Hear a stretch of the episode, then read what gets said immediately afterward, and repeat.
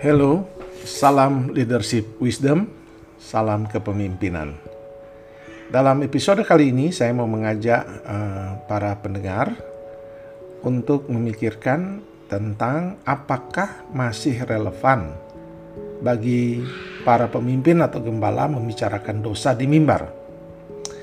Saya boleh menjawabnya dengan langsung bahwa masih relevan dan masih perlu untuk menyampaikan dosa di mimbar karena memang itu bagian yang ada di dalam firman Tuhan.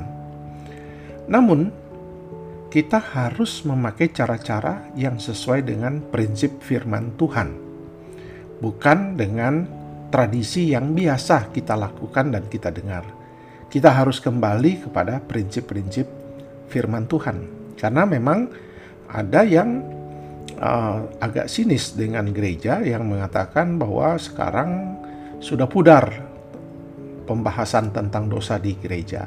Saya yakin gereja masih perlu membahas dosa, tetapi perlu dengan cara-cara yang sesuai dengan prinsip firman Tuhan.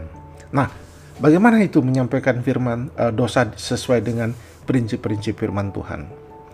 Yang pertama, kita perlu menyampaikan dosa dengan cara yang sesuai dengan situasi yang ada. Kalau kita lihat di Alkitab, Tuhan menyampaikan maksudnya dalam menegur dosa dengan berbagai cara. Lewat nabinya secara direct, langsung, tetapi juga kadang-kadang lewat narasi atau cerita seperti yang dilakukan Nabi Nathan terhadap Daud pada waktu ia berdosa terhadap Bathsheba. Kemudian kita melihat lagi contoh yang lain lewat peragaan Hosea, Nabi Hosea, atau lewat ajakan seperti yang dilakukan oleh Paulus. Ia meminta kalim, memakai kalimat-kalimat perintah, tanggalkanlah. Jadi dia menyampaikan dosa dalam bentuk nasihat Walaupun uh, Paulus juga sering melakukannya secara direct, menegur dan meminta untuk membuangnya. Tetapi ada dalam bentuk nasihat juga yang dilakukan. Dengan kata lain, yang pertama, waktu kita membicarakan dosa sesuai firman Tuhan, kita menemukan di Alkitab sendiri ada berbagai cara.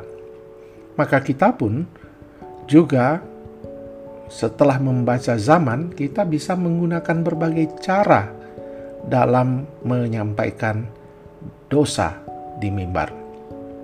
Yang kedua, yang kita harus ingat adalah bahwa di dalam Alkitab dibedakan tindakan dosa dan orang yang melakukan dosa itu, pribadi yang berdosa. Yesus sendiri sebagai contoh dalam Yohanes pasal 8 memisahkan, membedakan antara perempuan bersinah dan kelakuannya. Yesus tidak kompromi dengan persinahan, tetapi dia mengasihi perempuan yang bersinah ini. Itulah yang harus ada di hati para pemimpin, para gembala ketika ia berbicara tentang dosa. Ia harus tahu membedakan mana tindakan dan mana pribadi dan dia harus mengasihi orang berdosa. Kemudian, prinsip yang ketiga dalam menyampaikan uh, dosa di dalam di mimbar adalah bahwa proklamasi dosa berbicara tentang keadilan dan kasih Allah secara bersamaan. Ada dua sifat Allah yang diproklamasikan pada waktu kita membahas dosa, yaitu sifat keadilan Tuhan, di mana kita menyampaikan ada konsekuensi dari dosa. Dan pada saat yang sama ada anugerah pengampunan di dalam Yesus. Jadi kita di dalam kasihnya untuk setiap orang hidup dalam anugerah Tuhan.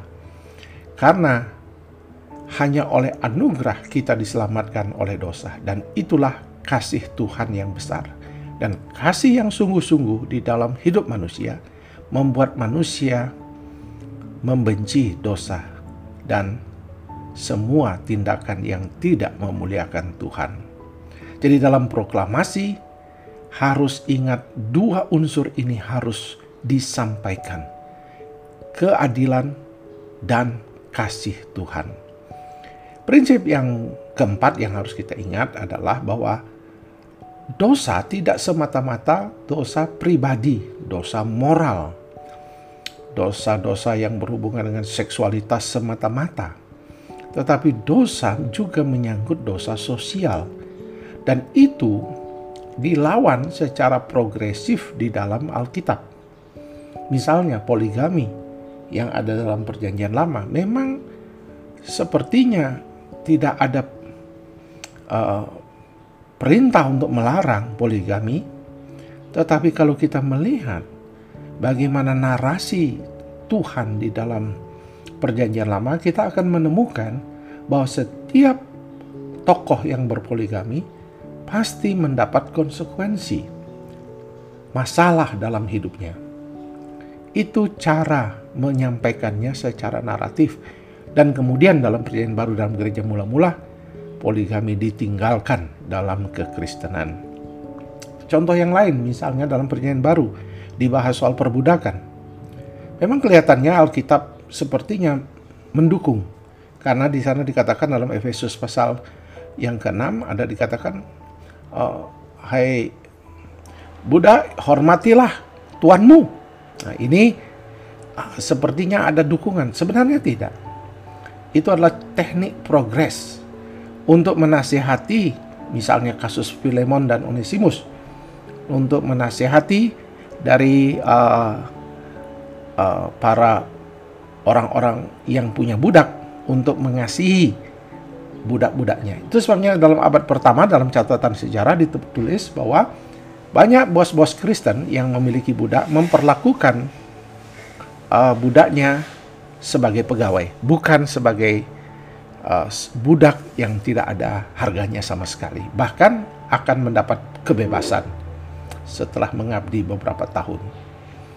Kemudian yang kelima yang perlu menjadi catatan juga dalam menyampaikan uh, kebenaran adalah hindarilah eksklusivisme dalam menyampaikan dosa. Ketika Anda menyampaikan dosa, jangan sampai ada kesan terbangun tembok bahwa orang yang tidak berdosa dan uh, tidak layak ada di gereja. Dan hanya orang yang suci yang ada di gereja. Jangan sampai gereja membuat tembok dan memisahkan diri dengan para pendosa. Justru gereja adalah tempat di mana orang berdosa mendapatkan anugerah dan berita pengampunan dan membuang semua dosa-dosanya di dalam anugerah Tuhan. Jadi kita harus hati-hati. Karena dalam prakteknya banyak sekali yang saya juga kadang-kadang ngeri melihat perilaku orang Kristen yang mendiskreditkan dosa dan perilaku orang-orang yang berdosa itu orang-orang berdosa itu men merasa tidak nyaman berada di gereja karena mereka dibuang, dipisahkan, disingkirkan secara tidak langsung pelan-pelan. Jadi kita harus ingat jangan sampai terjadi eksklusivitas. Lalu yang ke keenam, cara gereja menyampaikan dosa perlulah dilakukan lebih efektif dengan cara konteks yang tepat yang perlu dilihat. Jangan sampai tidak berubah dari waktu ke waktu. Uh, menegur nama misalnya, memakai nama orang langsung disebut di mimbar.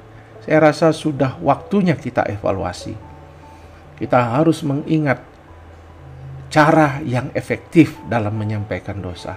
Itu berbeda dalam konteksnya. Sebagaimana firman Tuhan sendiri melakukannya dengan berbagai cara. Jadi, kesimpulannya, para pemimpin dan gembala kita perlu membicarakan dosa. Kita perlu membahasnya. Tetapi bukan untuk membuktikan bahwa Anda hebat dan membuat eksklusivitas gereja. Tetapi ketika kita berbicara tentang dosa, ada proklamasi untuk membawa orang per, kepada pertobatan. Dan setiap pemimpin yang berbicara tentang dosa, ia patut menangisi umatnya dan juga menangisi dirinya. Jangan-jangan sampai ia menjadi seorang Farisi yang menegur dosa, tetapi dia tidak melakukannya dalam kehidupannya. Dan inilah yang menjadi panggilan kita. Jangan ragu berbicara dosa, namun ingat sesuai dengan prinsip-prinsip firman Tuhan.